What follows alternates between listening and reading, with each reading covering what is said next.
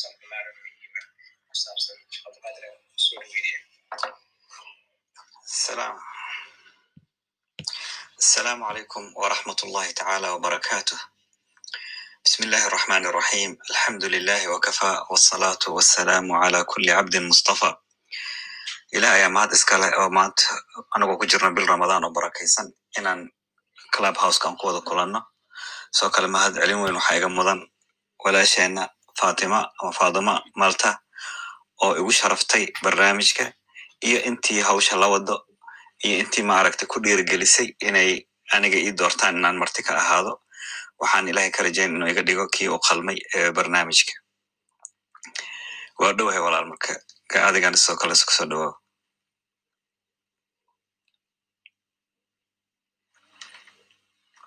maxamed ma ku jirtaa? Sheekh cabdulqaadir waa ku jira kelmadaada hore ee hadaljeedinta haddii guda gasho oo markaas kadibna su'aalaha furan war fiican weeyaan insha allahu tacaala. Allahuma salli cala sayidina maxamedin wacala aalihi wasaxbihi ajmaciin horta mawduuca waa sidaad ciwaankaad ka wada aragteen hogaaminta haweenka iyo diinta islaamka. Waa mawduuc yani casrigiisa la joogo oo xaadir ah oo muhiimadiisana leh waxaan ognahay dadkeena muslimiinta laba nooc inay u kala baxaan. Qaf ku dhashay diinta islaamka sida anigii adiga iyo dad badan oo maaragta maanta walaalaheena soomaaliyeed ah oo waalidkood ayaa muslim ahaa si ayay islaamka ku qaateen. Waalidkana waalidkiis ayaa muslim ahaa si ayay islaamka ku qaateen. Dadna waxa weeyaan dadaal iyo caqli iyo maskax iyo baaritaan ayay sameeyeen sida professorkii lawrence brown oo kale. Diimaho idil markuu baarayna oo ku qancay diinta islaamka.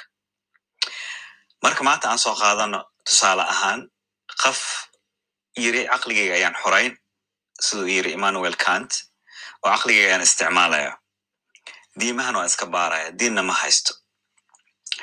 Diimaha loo sheegay waxaa ka mid ah diinta islaamka diinteena islaamka ayaa loo sheegay. Waxaa loo sheegay nebi maxamed caleyhi salaatu wassalaam inuu ahaa nebi run mooyaane aan been ku hadlin. Sida uu yiri thomas caroline oo ku tilmaamay nebi maxamed caleyhi salaam yani wuxuu yiri anaga maxamed marna kuma tirinayno nin beenaala inuu ahaa.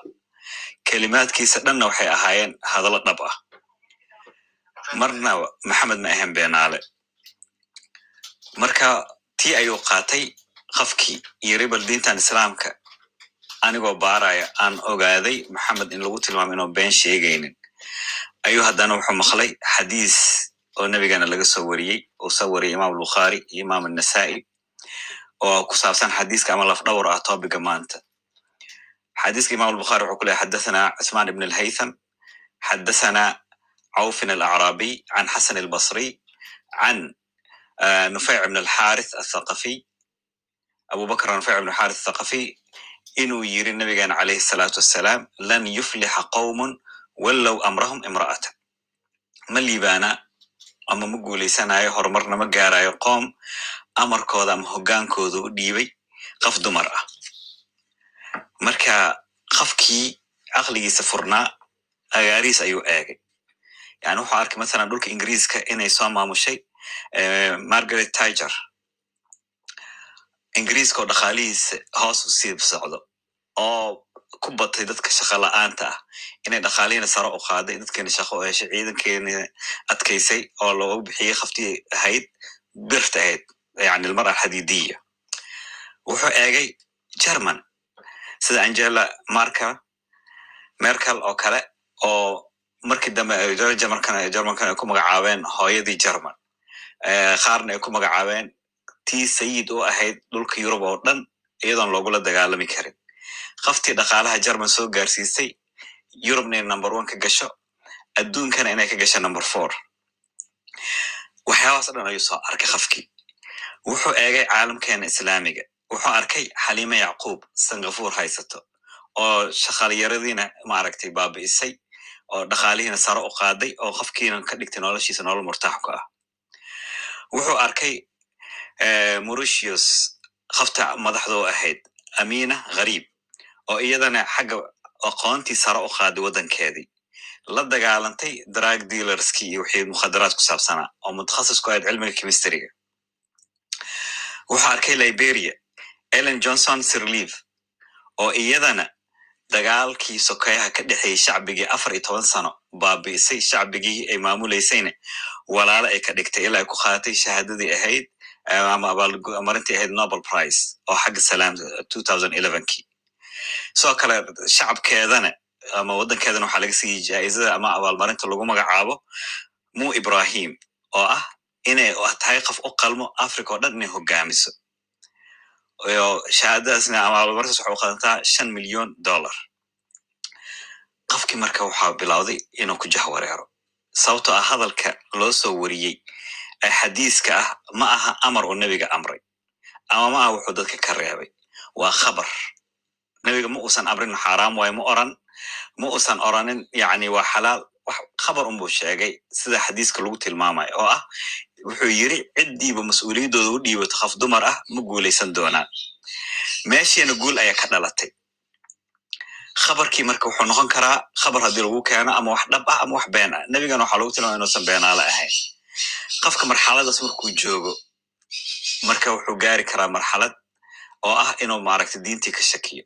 Iska badaa isagii qaar islaamkii maanta noogula yani ku dhashay ayaaba diinta waxyaabaha khaas ugu baxaan diintii ama shaki ka gala. Marka qofka wuxuu is caaqilka hadduu ahaa dunta xaggee iska qaban ladahay. Marka qofkaas waxaan leeyahay isdeji arrinta saa u moodid ma aha. Diinta islaamkana waa sida uu sheegay cort godel yani filosoofkii austria u dhashay uu yiri laba waxyaaboodba dhammaad ma laha. Horumarka diineed fahamka horumarka diineed iyo horumarka caqliga bini aadamka labadaasu ma dhammaadaan oo way sii soconayaan. Marka qafkii waxaa loo bahanya marka meeshii in laga sii kaxeeyo. Nebigana alay salam wuxuu noo sheegay boqolkii sanaba inuu soo baxo diintii dad cusboonaysiiyo oo ma aragtay horumar gaarsiiyo. Diimahana sida uu sheegay ag wills haddayba la socon karin horumarka casrigooda dhinac ayaa la iska dhigayo yiri markaan eegay inuu yiri diimaho idil diinta keliya ee horumarka mar walba la socon karto waa diinta islaamka marka diinta islaamka si horumarka ugala socon kartaa arrimahan waa arkay. Waxaan leeyahay qofkii marka horta midda koowaad diinta islaamka meesha laga qaato ee asalku ah tan koowaad waa kitaabkii ilaahay qur'aankii. Oo ilaahayna qur'aanka ku yiri ma faratna fi lkitaabi min shay. Kitaabka waxaan ka gaabinay haba yaraatee ma jirto wax walba waan ku caddaynay. Tibyaanan likulli shay wax walbana waadax ayuu ka dhigay. Waqad fasala lakum ma xarama calaykum. Wax walbo xaaraam idinka ahna qur'aanka uu idin caddeeyey qur'aankii markaad eegtid waxaan leeyahay kama helaysid aayad ka mamnuucaysa qofta dumarka inay wax hogaamiso bal waxaad arkaysaa aayad banaynaysaa dumarka inay wax hogaamiso ilah qur'aanka wuxuu ku yiri walmu'minuuna raggii mu'miniinta ahaa iyo walmu'minaat dumarkii mu'minaadka ahaaba. Bacduhum qaarkooda awliyaau bacd waxay maamuli karaan qaarka kale waxay hogaaminayaan qaarka kale. Weliyul amr waxaa lagu magacaabaa madaxweynaha. Awliya waa jamcu weliy way ismaamuli karaan. Ilah qur'aanku ku yiri aayaddii dhinac inaan iska dhigno oo maaragtay yani aan ka tagno wax banaan ma aha qofka wuxuu is oran karaa marka diinta islaamka markay soo degaysay qur'aanka ma jirin taariikhdaba dumar wax soo maamushay. Islaamka kadib wuu maamulka bilowday. Waxaan leeyahay maya taariikhda hore way u jirtay oo dad maamul soo maray. Waxaan ognahay casrigii fircawniga xajibsuud oo laga joogo hadda in ku dhow saddex kun iyo shan boqol sano yani kun iyo afar boqol iyo konton iyo sideedii ciise dhalashadiisa ka hor. Inay maamuleysay masar oo ilaa taarikhda waxay sheegaan ilaa soomaaliya inay soo gaartay ay ka qaadan jirtay fooxa ay ku ganacsan jirtay si dhaqaalaheeda waddanka sare ugu qaado. Cleopatra isoo kale nabi ciise dhalashadiisa kahor saddex boqol iyo saddex iyo labaatan markay ahayd waxay maamuli jirtay masar. Markay roman ay qabteen masar madaxweynihii roman mark antonio waxay gaartay marxalad ay qalbigiisa kasbato jeceyl ay ku abuurto. Qofuu jecel yahayna waddankeeda yani ma cadaadinayo. Ilaa jeceylkooda zaa'iday labadooda ku soo shaacbaxeen jeceyl sida qays ilayla oo kale cleopatra iyo mark antonio. Kuwaas waxaan ku sii dheer qur'aanka laftirkiisa inuu ka hadlay qof dumar oo maamul haysay balqiis ayuu ka sheekeeyey oo yemen xukumaysay inii wajadtu imra'atan tamlikuhum wa uutiyat min kulli shay wax walbana way haysataa walaha carshun cadiim carshi weynna way leedahay ilah qur'aanku sheegay kadibna nebi sulaymaan calayh salaam warqad markuu u diray oo cazumay oo haddana warqadana si akhlaaq iyo si wanaagsan iyo si xigmad le ugu diray maxay qoomkeeda ku tiri ya ayuha almalaw inii ulqiya ilayhi kitaabun kariim waxaa laga keenay warqad karaamo leh inahu min sulayman nebi sulayman ayay ka socotaa wa inahu bismi illahi araxmani araxiim wuxuu ku bilaabay nebi sulayman magicii ilaahay ee naxariista badnaa magaciisa ayaan ku bilaabay anlaa tacluu calaya isla weyni iyo awood dagaaleed ha igula imaanina oo ha afgambinina dagaal ha igu soo qaadina. Wa'tuuni ii imaada muslimiin adinkoo daacad ah sida mufasiriin fasira mukhlisiin ama saalimiin adinkoo dagaal aanan u soconin. Silm waxaa lagu magacaabaa xaalad aan dagaalka ahayn. Adinkoo marka wanaag yani daacadnimo raadinaya ii imaada ilaa ay qoomkeedana weliba qoomkeeda awoodday ku faanay naxnu ulu quwatin wa uli ba'sin shadiidin walamru ilayka fandurii maada ta'muriin annaga awood ayaan leenaha dagaalkana waan ku fiicannahay markana diyaar ayaan ku nahay iyadaa ka diiday qoomkeedana ammaan ayay u hogaamisay ilaa ay ka diintii nabi sulayman ay ugu qancaan ay tirahda rabbi inii dalamtu nafsi wa aslamtu maca sulaymana lilahi rabbi alcaalamiin nabi sulayman ayaan la muslimay qaacidada fiqigana waxay leedahay shayga markaa laga hadlayo xukunkiisa in laga aamusa ma banaana ilahay markuu wax ka sheekaya xaaraama xukunkeeda uu sheega hadday xaaraam tahay dumar inay meel maamushane markaas ayuu ilaah oran lahaa ma banaana dumar inay wax maamulaan. Taas waa tan koowaad. Tan labaad waxaan leeyahay qofkii ogow casrigii nebigeena calayhi salaatu wasalaam iyo casrigii asxaabtiisaba xadiiskaas suuq ma lahayn caam ma ahayn. Sababtoo ah nebigeena casrigii saxaabadiisa cumar bn alkhataab labada suuq suuqa makana wuxuu u dhiibay qof dumar samra bint nuhayk al asadiya suuqa madiinana maamulkeeda wuxuu u dhiibay shifa binti cabdillahi alcadawiya suuqyaday kala maamulayeen madaxay ugu dhigay. Waxaa ku sii dheer umulmu'miniin caaisha radia allahu canha inay hogaaminaysay jeiskii heshiisin lahaa mucaawiya iyo cali bin abi talib radia allahu canhum oo tobanaan kun saxaabo ku jiraan oo ka mid ahaa talxa ibn cubaydillah tobankii jannada loogu bishaareyey ka mid ahaa iyo zubayr ibn alcawaam oo tobankii jannada loogu bishaareyey iyagaba ka mid ah. Tobanaankaas kun saxaabo marna ma aysan oran nabiga wuxuu xaaraantimay dumarkii inay wax hogaamiso qarnigii koowaad islaamiga sannadkii toddoba iyo toddobaad meelahaas oo kale waxaa maamulka qabtay qolyahan lagu magacaabo khawaarijta maamulaysay umu shabayba ghazala ghazala ashaybani ghazala alxaruriya ashaybani ghazala waxay ahayd qof cibaado badan taqwo badan dagaalyahan ah maamulkana ku fiican markii maamulka ay qabsatayba masaajidka kuufa ay aaday salaad shukr laba rakacay ku dukanaysay toddobaatan qofood ay gadaasheeda ku dukadeen rakacda koowaadna waxay akhrisay suurat albaqara kulligeed iyadoon khalad gelin rakacda labaadna waxay akhrisatay suurat ali cimraan kulligeed toddobaatankanu gadaasheeda ku dukanaa nin rag ah imaam u ahayd mimbarkay kortay iyadaa dadka u khudbaysay labaatan jeesh kala duwan markii loosoo dirna way ka wada adkaatay intaas waxaa ku sii dheer markii laga soo tagay casrigaas haddana quruntii hore yemen waxaa maamulaysay arwa bintu axmed assulayxiya afartan sanay maamulaysay dagaalkii qabiiladii dhan way heshiisisay ilaa yementii dhan isjeclaadaan oo markay geeriyootay xataa qabrigeeda sida ugu owliyadoo kale qubuur loogu dhiso ilaa hadda ay booqdaan iyada geerideeda kadibna way kala baaba'een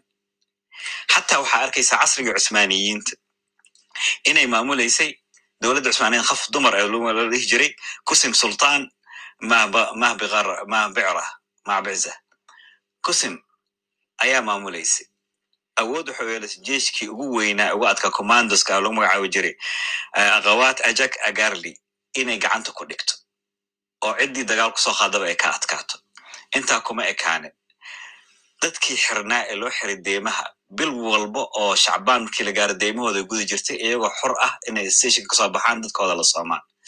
Agoontii waxay u dhistay guryo ay dejiso waxay u dhistay iskuulaad masaariftooday bixinaysay intaa waxaa u sii dheereed laga bilaabo waddada istanbul ilaa laga gaaro maka intii eryadaas ku noolaa wixii faqiir aha dhan guriyay u dhistay noloshoodan way iyadaa masruufi jirtay. Si dadkii ammaani u helaan markay maka iyo u socdaan. Intaasoo dhan marka dadkii dumarka hadday sameeyeen haddaba xadiiska xagga noogu yimid.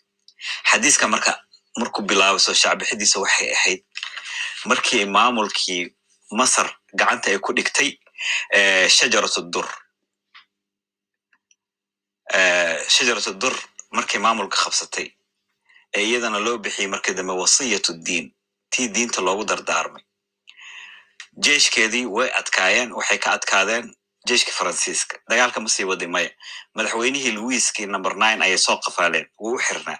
Xabiska iyada ugu tagtay ee dhegeysa waan ku sii dayn. Waan ku sii dayn laakiin laba waxaan kaa codsan. Tan koowaad inaad ii saxiido heshiis ah dhulka islaamka oo dhan inaadan dagaal ku soo qaadi doonin. Aan kala badbaadi doono dhiiggeena ugu batay. Tan labaadne xoole intaas alegna siisid waa xoolihii dagaalka igaaga baxay. Ilan adinkaana soo weerar wuu ka ogolaaday. Dagaalkii ka socday masiixiyiinta iyo islaamka oo isku baabi'iyeen shajaratu dur khatun umu khaliil ayaa sabab u noqotay. Saa daraad waxaa loo bixiyey wasiyat diin xataa cismat diin cafwan ayaa loo bixiyey oo xataa lacagaha magaceeda ayaa lagu qori jiray. Lacagta waxaa ku qoreed mustacsima asaalixa melikat lmuslimiin tii dhowrsaneed ee saalixada ahayd oo boqor u ahayd muslimiinta. Mimbarada dhanaa loogu soo ducayn jiray. Jimco walbo adduunka caalamka islaamiga way dejisay. Raggii markaasay kaceen ay yidhaahdeen awoodna waan leenahay dagaal waan geli karnaa raggaan dadkan maan baabi'ino war dumar see noo xukumi kartaa war daliil aan u raadino. Bini aadamkana waa laba nooc siduu yiri bliis bascal qof raadiyo mar walba daliil caqligiisa qanciso. Iyo qof wuxuu ku qanacsan yahay daliil u raadiyo. Raggii marka waxay ku qanacsanaayeen dumarkan seen maamulka uga qaadnaa maxaase daliil noo ah oon ku uraadsanaa daliishii marka waxaa meeshii ay rabeen ay roobka ugu da'ay xadiiskii saxiixulbukhaari ku jira ayay la soo baxeen oo ah lan yuflixa qowmun wallow amrahu amra'a xadiiskaas ayaan haysanaa marka waxaa noo caddaatay dumarka inaysan banaanen inay maamul qabtaan xadiiska marka todoba meel ayaan la istaagaya waxaan rajaynaa waqtiga inuu ii saamaxo waxaan sheegnay waxa ugu horreeya nusuusta laga qaato ama daliisha laga qaato waa qur'aanka waxaa ku xiga axaadiista nebiga axaadiista nebiga markii laga soo tago kuwa daciifka ah oo nebiga loogu been abuurtay kuwa lagu tilmaamo saxiix inay yihiin waxay u kala baxaan labo. Axaadiis lagu magacaabo axaadiis aaxaad hal hal qof keliya yani soo wariyeen iyo axaadiis lagu magacaabo mutawatir mutawatir waxaa lala jeedaa dad badan ayaa nebiga ka maqlay dadkiina dad badan ayay soo gaarsiiyeen dadkiina dad badan ayay sii gaarsiiyeen. Kuwa waxaa lagu magacaaba mutawatir wixii yani saddex qofood iyo wixii ka hooseeya ka maqleen nebigan waxaa lagu magacaaba axaadiis al aaxaad axaadiis al aaxaad marka xukunkiisa muxuu yahay? Ma hubaalba mise waa malo? Culama alxadiis waxay yidhahdaan xadiiska hadduuba ahayn mutawatir xukunkiisa wuxuu yahay xataa hadduu saxiix yahay in loo maleeyo nebiga inuu yiri. Aanan la hubin sida qur'aanka loo hobo oo kale inuu hadalka ilaahi yahay. Axaadiista aaxaada waa malo imaam zaynuddin alciraaqi konka bayd uu ka tiriyey axaadiis wuxuu yiri wabisaxiixi wadaciifi qasadu fi dhaahirin lalqatcu walmuctamadu saxiix iyo daciif waxa loola jeedaa sida noo muuqato ee ma aha go'aan la gaaray oo la huba inay tahay imaam nawowi aan naqaano kitaabkiisa arbaciinka afartanka xadiis ama riyaadu saalixiin soomaalida badankooda wada akhristaan markuu muslim imaam muslim xadiiska sharxay wuxuu ku leeyahay jamaahiirta muslimiinta laga soo bilaabo asxaabta iyo kuwii ku xigay iyo kuwii ka dambeeyey ee muxadisiinta iyo fuqahada iyo dadka cusuul fiqiga yaqaano dhan waxay isku waafaqsan yihiin khabarka aaxaadka ah axaadiista aaxaadka inay noo caddaynayso male inay tahay aysan noo caddaynaynin hubaal inay tahay. Laakiin qofkii yiraahdo xadiiska aaxaadka waa hubaal kaas wuxuu iska weynaysiiyey dareenka bini aadamnimada see ku dhici kartaa axaadiis oo dhowr qofood yar tiro yar makleen yani waxaa laga yaabaa dadki inay yani khalad ka dhaco mararka qaarkood ama si khalad ay u fahmaan. Marka yani waxyaabahaas ama wax u sawirmaan ama ben waa soo geli kartaa marka yani muxaqiqiinta badankooda waxay yirahdeen axaadiista ku jirto aaxaadka xataa hadday ku jiraan bukhaari iyo muslim aysan mutawatir ahayn xukunkooda waa malo axaadiista aaxaadka marka xadiiskaas hadduu yahay axaadiis aaxaad xukunkiisa wuxuu noqday koowaad mala inay tahay ee hubaal ma aha. Maladana iyo hubaasha labay kala yihiin marka culamaa usul fiqi waxay yidhahdaan adhanniy malada tii ahayd kama hor imaan karto tii hubaalka ahayd. Qur'aanka waa hubaal balkiis ayuu noogu sheekeeyey mana koxa ma xaaraantimeyn wuxuuna yiri mu'miniinta rag iyo dumarkooda waa is hogaamin karaan qur'aanka ma xaaraantimeyn axaadiiskii hadduu ka hor imaanayo qur'aanka tii hubaalka ahayd waa qur'aankii maladii ma ka hor imaan karto tii hubaalka ahayd. Taa waa mid. Tan labaad axaadiista axaadda waxay u kala baxaan. Yani sifooyin badan ee waxaa ka ah. Mid lagu magacaabo mustafiid oo ah saddex qofood ayaa nebiga ka maqashay. Saddexdiina mid walba saddex ayuu sii gaarsiiyey. Mid walbana saddex kale ayuu sii gaarsiiyey ilaa laga soo gaaro kii xadiiska wariyey. Xadiiska labaad ee ku xig waxaa lagu magacaabaa caziiz laba ayaa nebiga ka maqashay labadii laba kale ayay sii gaarsiiyey mid walba laba ayuu gaarsiiyey mid walba laba kale ayuu sii gaarsiiyey. Xadiiska ugu dambeeyana waxaa lagu magacaabaa xadiis alghariib ghariib waa mid marti ah hal qof keliya ayaa soo maqlay. Xadiiskan marka lan yuflixa qowman wallow amrahum ra'a. Nabigu wuxuu ka geeriyooday kun iyo boqor iyo afar iyo toban saxaaba. Hal saxaabi keliya ayaa laga soo ah abubakr nufeyc ibn alxaris athaqafi xadiiska marka waxa lagu magaca xadiis alfard alghariib kii hal qof keliya soo maqlay ghariib martida ahaa xukunkiisa muxuu yahay imaam malik wuxuu yiri cilmiga waxa ugu shar badan axaadiista ghariibka ah hal qof keliya soo maqashay waxaana ugu fiican hadalka daahirka oo dad badan soo maqleen cabdirazaq asancaan wuxuu ku leeyahay axaadiista ghariibka ah waxaanu arki jirnay khayr inay yihiin laakiin waxaan ogaanay inay wada shar yihiin saa daraad marka imaam malik imaam axmed ibn xambal imam abu dawud asijistani yaxya ibn saciidin alqataan yaxya ibn maciin caliy ibn cabdillahi almadini abu zurca alrazi abu xatim alrazi imam annasai imam abulxasan dara qutni imam abu bakr axmed ibn harun alberdiji iyo imam abulxasan alkarkhi iyo imam cabdiraxman ibn almahdi kulligood waxay arkaan inaysan banaaneen in xukun laga qaato axaadiista fardiga ee ghariibka ah. Xadiiskan wuxuu noqday xadiis ghariib ah hal qof keliya soo maqashay. Jaamacat alazhar iyo daar aliftana waxay qabaan xadiiska fardiga ee ghariibka ah xukunna lagama qaato caqiidana lagama qaato.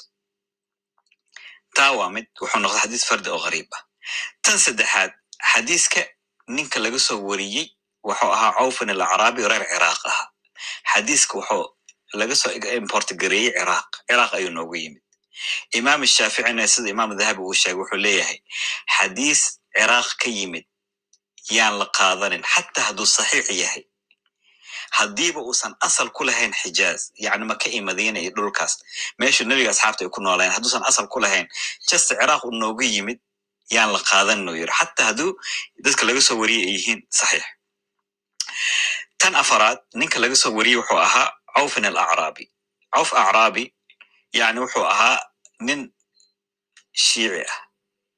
Shiici keliya kuma ekaana waxay yidhahdeen wuxuu ahaa raafidi. Yani kuwa asxaabta necab. Muxadisiinta qaar waxay qabaan qofka hadduu raafidib yahay asxaabta necab yahay nin wuxuu yahay mudalis hoosgeliye ay xadiiskiisa lama qaadan karo. Imaam cabdullahi bin mubaarakna wuxuu ku leeyahay wallahi magac ilahay uu ku dhaaranaya ma radya bidcatin waaxida hal bidca keliya raali kama noqonin. Ee wuxuu ahaa nin shiici ah oo qadari ah. Qadari waxaa lagu magacaaba dadka yidhaahdo ilaahay waxa dhacayo maba la socdo. Ee marka wax dhacan kadib ugu ogaadaa yani ilahi subxana watacaala sifadii yani wixii qeybka yani dhici doono lama socdo ay oran jireen bindarna wuxuu leeyahay cawf wuxuu ahaa nin qadari ah raafidi ah oo shaydaan ah. Shaydaanna waa lagu tilmaama inuu yahay maxamed ibn cabdillahi alansari isagana wuxuu ku leeyahay sidoo kale waxaa lagu tilmaamay inuu yahay nin maaragtay. Taas keliya ma aha. Cawfin alacraabi isagana wuxuu ka soo wariyey xadiiska. Wuxuu yiri can uu cancaneeyey axaadiistan waxaa jira axaadiis can can haddii la yiraahdo macnaha waxay tahay dhanka hebel waxa iga soo gaaray. Xadiiska markuu cancane yahayna waa tii yani shanaad. Imaam shucba wuxuu ku leeyahay xadiis walbo oo ay ahayn waxaa noo sheegay iyo waxaa noo khabar ahaan noogu keenay ay ku jirto cancana yani dhanka hebel waxaa iga soo gaaray. Haddiiba ku aragtiin xadiiskaas saxiix maaha waa khal iyo baqal laysku daray. Khal iyo ansalaata laysku daray weeyaan. Can hadduu yahay lama qaato. Xadiiskan waa cancana cawfin alcaraab wuxuu yidhi dhanka waxaa iga soo gaaray dhankee dhanka alxasan albasri xasan albasri dhalkiisa waxa iga soo gaaray ayuu yiri xasan albasrina eh, tan koowaad wuxuu ahaa nin mudallis ah hoosgeliye ah. Nin lagu kalsoonaa wuu ahaa cibaado badan taqo badan laakiin wuxuu ka mid ahaa mudallisiinta. Hadalkaa aniga maa oran waxaa yiri khalaf ibnu salim iyo imaam annasaa'i iyo imaam ibnu xabbaan iyo imaam alxaakim iyo xaafid ibnu xajar alcasqalaani iyo sheikh alalbani. Sheikh alalbanina waxa weye muxadisiinta casriga yani culimada wadaadada hadda xag jirka ah sheekh ay ku abtirsadaan dhanka xadiiska waa sheekh alalbani. Wuxuu leeyahy xasan albasri wuxuu ahaa hoosgeliye mudalis ayuu ahaa. Taas waa mid. Tan kaleete xasan albasri waa tan todobaad wuxuu ka soo wariyey saxaabigii ahaa abubakra nufeyc ibn alxaris athaqafi abubakra iyo xasan albasrina weligood isma arag sida oo soo wariyeen yani imaam abulxasan adara qutni kitaabkiisa atatabuc wuxuu ku leeyahay xadiiskan waa munqatic uu kala go-an yahay sababtoo ah saxiix ma ah xadiiska sababtoo ah xasan albasri iyo nufeyc ibn alxaris ma wada kulmin kelmadna kama qaadanin so ugu soo wariyey keligiis ma qabataa waxaa la qabaa imaam cali ibn cabdillahi almadini imaam albukhaari sheekhiisa waxaa kaloo la qaba xaafid adahabi yaxya ibnu maciin abu xatim arrazi raggaasoo ka dhan waxay qabaan in xasan albasri uusan la kulmin saxaabigii ahaa laakiin may waxay leedahay xasan albasri ma uusan oran saxaabiga ayaa ii sheegay laakiin wuxuu yidhi can dhankiisa ay iga soo gaartay tan kale marka waxay leedahay cilmi alxadiiska wuxuu ku leeyahay xadiiska qafka soo wariyay hadduu yahay hoosgeliye eena u yirahda hebel dhankiis waxaas ayaa iga soo gaaray xadiiskaas waa la radiyaa ee lama qaato xadiiskii marka saa wuxuu ku noqday xadiis daciif ah oo marduud ah. Marka intaas riwaayad maaragtay la soo qaatay. Saa daraad marka axaadiiskaas iyo axaadiis badan oo la mid ah waxay ka mid yihiin axaadiista nebigeena looga been abuurtay dumarkana lagu dulmiyey. Nebiga hadduu oran lahaa hadalkiisa wuxuu noqon lahaa sax oo dumarkii maamul loo dhiibo qoomkooda ma liibaaneen. Lakin waxaan ognahay iska dhaafdho jaziiradda carabta xataa ninkii safarka badnaa ee muslimka ahaa la oran jiray ibnu batuta maxamed ibn cabdillah ibn maxamed allawati atanjiy ee ku magac dheeraa ibnu batuta markuu aaday dhulka hindiya wuxuu yiri reer hind waxay aad iyo aad u ammaanayeen mar walba u ducaynayeen ay ka sheekaynayeen radiyat ddiin bintu shamsuddiin altitmish ee maamulaysa delhi agaaraheed dhaqaalahooda saray u qaaday ammaankoodana way ilaalisay. Afartankii xisbi mucaarid ku ahaane siyaasadeeda caqligeeda way isku dirtay way baaba'een. Beledkii way dejisay. Waagi iyada xukumaysay kadibna haddana baaba markuu dhacay dadkii weligood taas ayay u ducaynayeen boqol sano kadib markuu aaday maamulkeeda weli waa la xasuusay iyadii waa lagu ammaanaya marka waxaan u malayn yani in xadiiskii darajadiis meeshaas ay ku ekaatay ee la fahmay dumarkiina suu ilahay qur'aan ku yiri man yacmal saalixa min dakarin yani dadkii wanaag sameeyaan man yacmal min asaalixaati wa huwa mu'minun wanaag qofkii sameeyo. Saalixaadna wuxuu ku tilmaamay imaam ibnu taymiya maa yasluxu wixii maslaxa ugu jirto fi amri alcibaadi walbilaad dadka iyo beledka wixii maslaxa ugu jirta ciddii samayso rag iyo dumarba ha ahaadaana ilah wuxuu yidhi falaa kufraana lisacyihi. Dadaalkiisa laguma inkiro laguma gaaloobo dadaalkiisa. Haddii bini aadan oo adinka aad ku inkirtaanna wa inaa lahu lakatibuun annaga ayaa u qorayna. Marka waxaan u malayn su'aasha koowaad ee ku saabsanay dumarka wax ma hogaamin karaan. In jawaabteeda la fahmay qur'aan horaan ahaan haddii loo fiiriyo way hogaamin karaan. Taarikh ahaan markii loo fiiriyana way hogaamin karaan.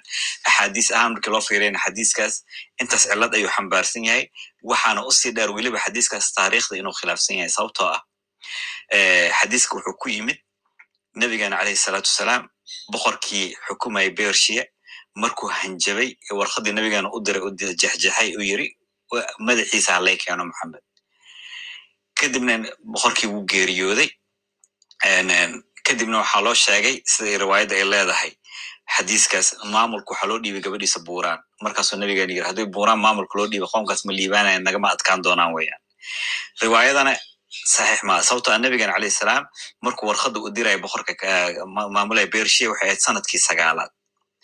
Sanadkii tobanaadna nebiga ayaa geeriyooday. Marka warqad diritaanka iyo geerida nebiga sanad ayaa u dhexaysay kaba dhigsada markii warqaddu akhristay madaxweynaha bershiya kisra horuu ka geeriyooday markuu geeriyooday xukunka waxaa qabtay wiilkiisa shibraweh sideed bilood ayuu hayay nebiga geeris markay maqa ka dhiman afar bilood soo ma aha. Kadibna waxaa qabtay wiilkiisa ardashir. Sideed iyo toban bilood ayuu hayay nebiga markaa afartii bilood uu geeriyoodo markii laga jaro afartii bilood kadib uu geeriyoodo laga jaro waxaa soo hartay sanad iyo laba bilood. Sanad iyo laba bilood